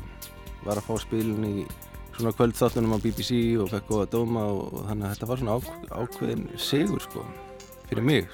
Og þetta er samanleitið og Lorien bara Já, hættir eða já, eiginlega sko. fe feitar út eitthvað. Ég eiginlega sko ákvað meðan ég var að býða eftir að vera að mixa og klára og Lorien plötuna þá fór ég í kapplöp og ætlaði að vera tilbúið með soloplötu á undan. Mér fannst þetta svo hægt ferli.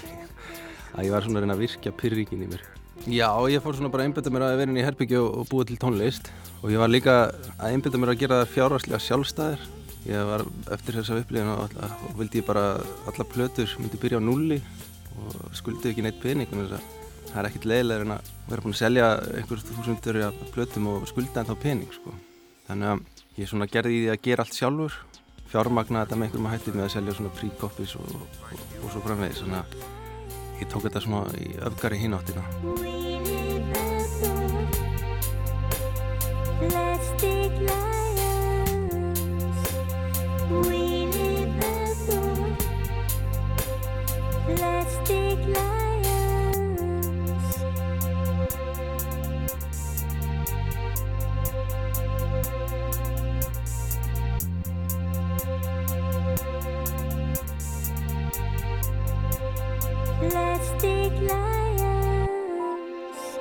Fyrsta kvikmynd dags Kára Péturssonar, Nói Albínói, hafði gert það gott á nokkrum kvikmyndaháttíðum í Evrópu áður nú að frumsýnd á Íslandi í byrjun februar 2003. Myndin segir frá Nóa, ungum pilti í litlu þorpi sem á erfitt uppdráttar í skólanum og dreymir um að strjúka burt með aðkomustelpu frá Reykjavík. Í aðalhauturkum voru Tómas Lumarkí, Þröstur Leo Gunnarsson og Elín Hansdóttir. Hljómsveit Dags Kára og Orra Jónssonar, Slow Blow, samti og flutti tónlistina í myndinni og fengu þeir félagar mikið hrós fyrir í dómum um myndina.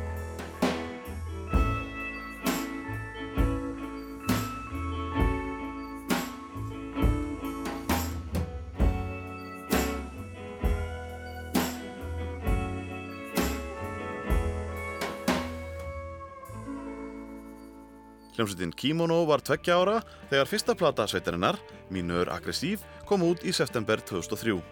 Þessi skipuðu hljómsveitina voru Halldór Örn Ragnarsson bassalegari, Þráin Óskarsson trommari, píano og orgellegari, Gilvi Blöndal gítarlegari og kanadíski söngvarinn og gítarlegarin Alex McNeil, en Birgir Ör Tórótsen sá um upptökustjórn.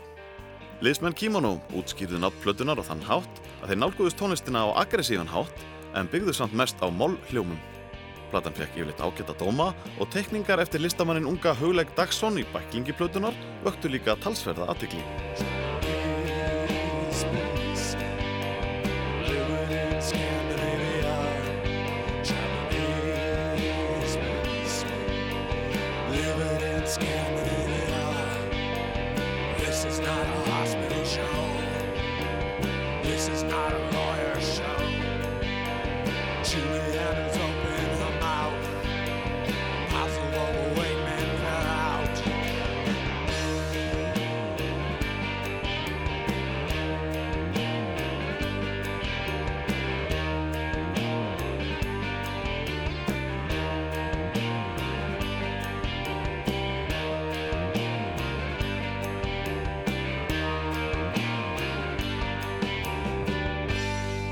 Er 2003. Ég er á ágætu róli. Síðan kærastan kvatti í gær. Nú er hún bjarnar í bóli. Ég segi henni var næ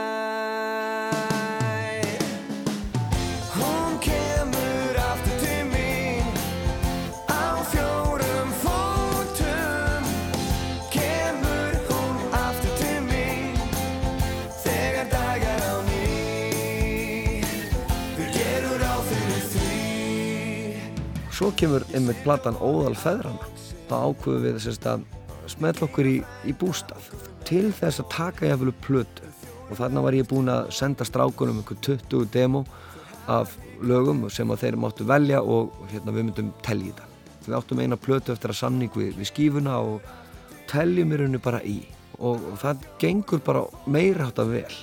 Og þessi ferð þarna, hún, við tókum heila bara upp heila plötu þarna og þessi plata kemur svo út um vorið 2003. Reymur Örn Heimisson sagði frá fjórðu plötu Lands og Sona sem fekk nafnið Óðal feðrana. Njáll Þórðarsson, hljómbúsleikari, tók þátt í gerð plötunar en þegar átti að fylgja henni eftir steig hann frá borði. Við ákvöðum þarna að gera samning við útastöðuna Bilgjuna að spila með þeim, sérst þetta sumar og ferðast með þeim en, en þetta var skuldbinding sem að Njalli var ekki tilbúin að taka á sig með bandinu og fannst þetta mikil vinna, já of mikil vinna í rauninni fyrir, fyrir kannski ekki allt of mikið og, og hann var sjálfur að einbytta sér og kafi í sinni vinnu og, og hann steg frá bandinu og hérna allt í einu mestabróðurinn er sjálfsög og ekkert þess enn og Hljómsveitin tók sumarið með trompi með bylgjulestinni og lagið Von mín er sú var vinsælt á öldum ljósakans. Þá ég ætla að fara yfir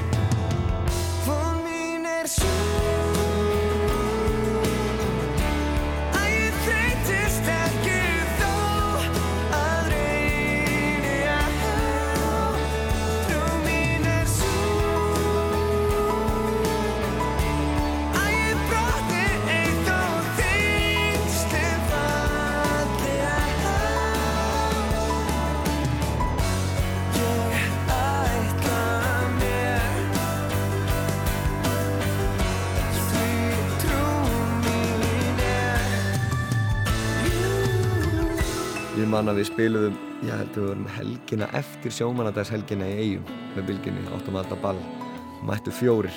Ég man það bara þegar ég labbaði tilbaka og var að fara upp á gisteimili þá hugsaði nei, nú er ég hættur þessu. Við, en við ákvaðum að gefa þessu sjens vegna þess að við vorum að spila eh, 16. júni hérna á Akureyri, sjallan, daginn fyrir 17. júni. Og þá fekk ég trú mín aftur á mannkyninu vegna þess að við fylltum sjallan. Það er ansi, ansi margir sem að fara þóngað inn. 800-900 manns og hérna, þannig að við hættum þessu og hættum að pæla í þessu. Og heldum bara áfram og við spiluðum út um allt og við kláruðum sömarið og en eftir þetta sömar á svona byrjum við bara að stíðast tilbaka. Ég man að ég fór að vinna í skífunni í smáralind á þessum tíma og bandið í rauninni bara svona hættir eiginlega bara að spila. Og svo gerist það þarna um áramótin 2003 og 2004 að þá er bandið eiginlega bara komið í svona einhvers konar dvala Árið er 2003.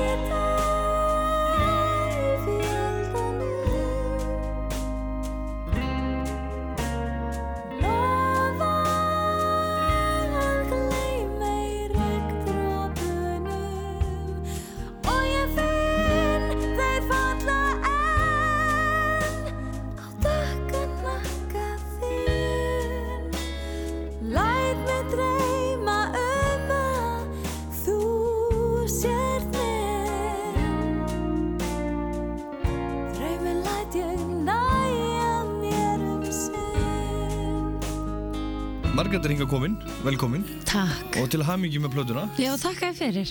Erstu annað með hana? Já, ég, jú, ég er mjög ánað með hana.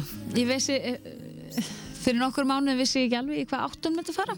Já Og þegar ég var spurð um hva, hvernig þema verður á plötunni þá gæti ég ekki alveg svaraði. En ef þú svarar þeirri spurningu núna svona fyrir þá sem er ekki búin að sjá eða heyra Já, ég myndi segja að þetta væri bara, þetta væri svolítið dramatísk plata. Öll lögin er svona frekar svona stóri sniðum. Þó að sé bara uh, hljómsveit undir, sko, akústist. En þá er þetta samt að reynir á mig mjög mikið sem söngkona og, Já. Þú, Ég tegir svolítið á ratböndunum þú tegir svolítið, Já, ferði alveg maður og út um allt. Já, maður Kannski hefur bara gott af því. Ég held að þetta sé hinn fullkomna plata fyrir hérna uh, svona upprænandi söngkonur. Já, að hlusta á og syngja með heim í herbyggi Já, heldur- eru, þér það? það eru mörg lög hérna sem gerir sem ættu vel heima sko í hérna söngjefni framhaldsskóluna ha, þetta er reynda, það er einhver einn annar sem hefur sagt þetta. Já, er það? Já, þetta er svona lög sem að verður í svöngkefni framhaldsskóla. Já, stelpur í framhaldsskólum að vera að hlusta farið ná okkur fyrir plötu þetta er plata fyrir ykkur æfi ykkur á Söngkonan Margrét Eir Hjartadóttir heimsótti Popland stuttu eftir útkomu plötu hennar Andartak hösti 2003. Plötuna var hún með Þorvaldi Bjarnar Þorvaldsinni og Kjartani Valdimarsinni sem stjórnuðu upptökum. Þorvaldur Bjarni samti helming lagana tíu á plötunni og þar á meðal titilægið sem skartaði texta eftir leikonuna Unni Ösp Stefansdóttur.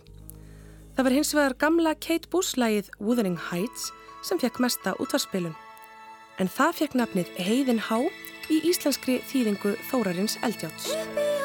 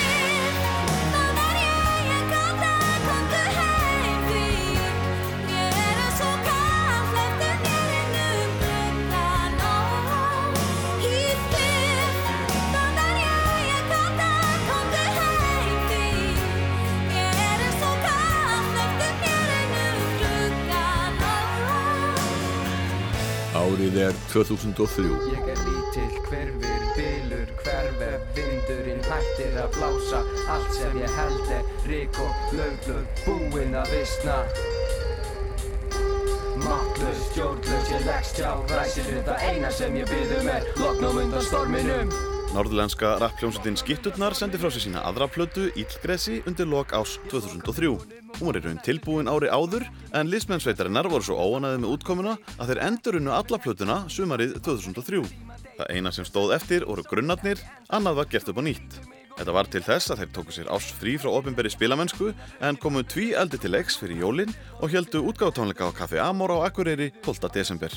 Skitturnar voru tilnæmda til íslensku tónlistarvelununa sem nýlið ásins. Platan var í öðru sæti yfir bestu plötur ásins á lista sem helstu tónlistarspinningar landsins tóku saman og lagið Lognið á undan storminum vakti mikla lukku.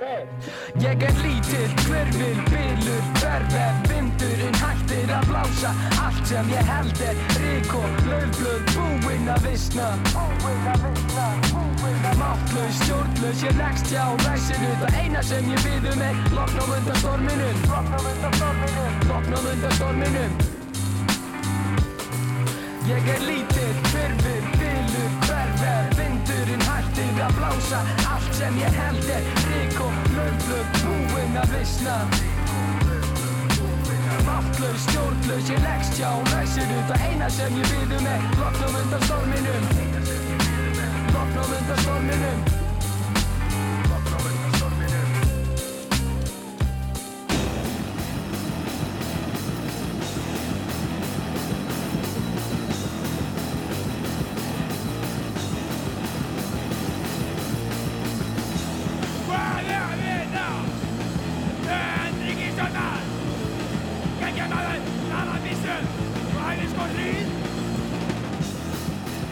Gítarleikarin Elvar Geir Sævarsson og söngvarinn Sigurður Harðarsson stopnuðu punksveitina DIS í upphafi árs 2001. Sá fyrrnemdi hefur í setni tíð verið þekktur fyrir störf sín í hljómsveitinni Helvar, en sá síðanemdi er betur þekktur undir gælunafninu Siggi Punk og var lengi vel í hljómsveitinni Forgarður Helvítis, en hefur í setni tíð skipað dúettin Gjöll og samt Jóhanni Eiríksenni. Sveitin fór rólega af stað, en þegar Heiða Eiríks, kærasta Elvars, gekk í bandið sömari 2002 sem gítarleikari, fóru hjólin að snúast og sveitin var mjög dugleg við tónleikahald næsta árið.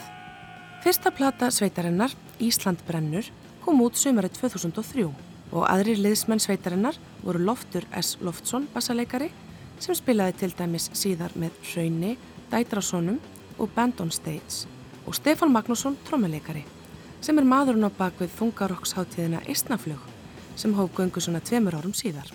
Við heyrðum hér áðan brot úr læginu Veiðileifi á ríkistjórnir með hljómsettinni DIS en hér er titillag plötunar Ísland brennur farið af stað.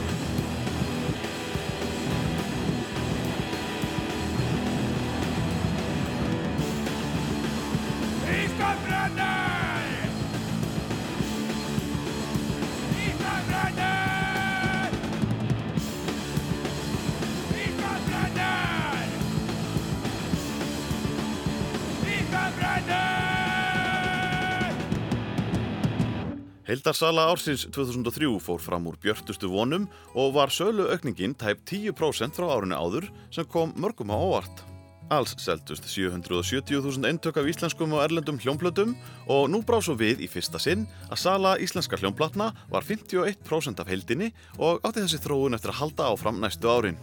Óinu marga plötur náðu gull plötusölu, 15 talsins og auk þess náðu fjórar plötur platinusölu með yfir 10.000 eintök seld. Platan 22 ferðalög með KK og Magga Eiríks seldist í 15.000 eintökum, einn á ferð með Óskari Pétursinni Áltageris bróður seldist í 13.000 eintökum, Írafár sem átti metsöluplötu ásins 2002 var í þriðja sæti en platan nýtt upphaf seldist í 12.700 eintökum. Þjóðsaga með pöpum seldi svo í rétt rúmlega 10.000 eintökum en fast á heila þeirra komu hljómar og Bubbi Mortens. Annars sem var markvert árið 2003 var að smáskifa með læginu Open Your Heart sem Birgitta söng í Eurovision í Ríka í Lettlandi seldist í tæpum 6.000 eintökum. Og þá er árið 2003 senn á enda. Ég heiti Sigriður Tólasíus. Umsjónumenn þáttarins eru Ásker Eithórsson og Gunnlaugur Jónsson og Jónatan Garðarsson aðstóðaði við handritskerð. Í næsta þætti förum við yfir Íslenska tónlistarárið 2004 en við endum á Sigriði Bendeinsdóttur. Sigga Beinteins sendi frá sér plötuna Fyrir þig í byrjun november. En þetta var hennar fyrsta soloplata í sex ár. Hún var talsvert í sviðsljósinu því hún var dómari í Ædol stjörnuleit á stöð 2, kom reglulega fram með Gretari Örvasinni og starfrekti eigin söngskóla Tónart í Noregi. Laugin voru eftir Friðrik Karlsson og Þorvald Bjarnar Þorvaldsson sem stýrði upptökuvinnunni. En Sigga samti titilægi sjálf og var þetta í fyrsta sinn sem lag eftir hana rataðinn á plötu. Jónsi í svörtum fötum söng með Siggu í einu lægi, Selma Björns í öðru og Björgvin Haldursson söng með henni í læginu Eftir vill andar takk. Takk fyrir að hlusta. Einhver tíman áður fyrr augum leit ég þig Alveg er ég samfærður þín augu sáum mig Ef til vill andartak ógleymalegt var. Síðan hef ég leitað allstaðar einhver tíman síðan tilbaka lítum við yfir okkar æfimi að finna upp að við ef til við landar takk sem ógleymalegt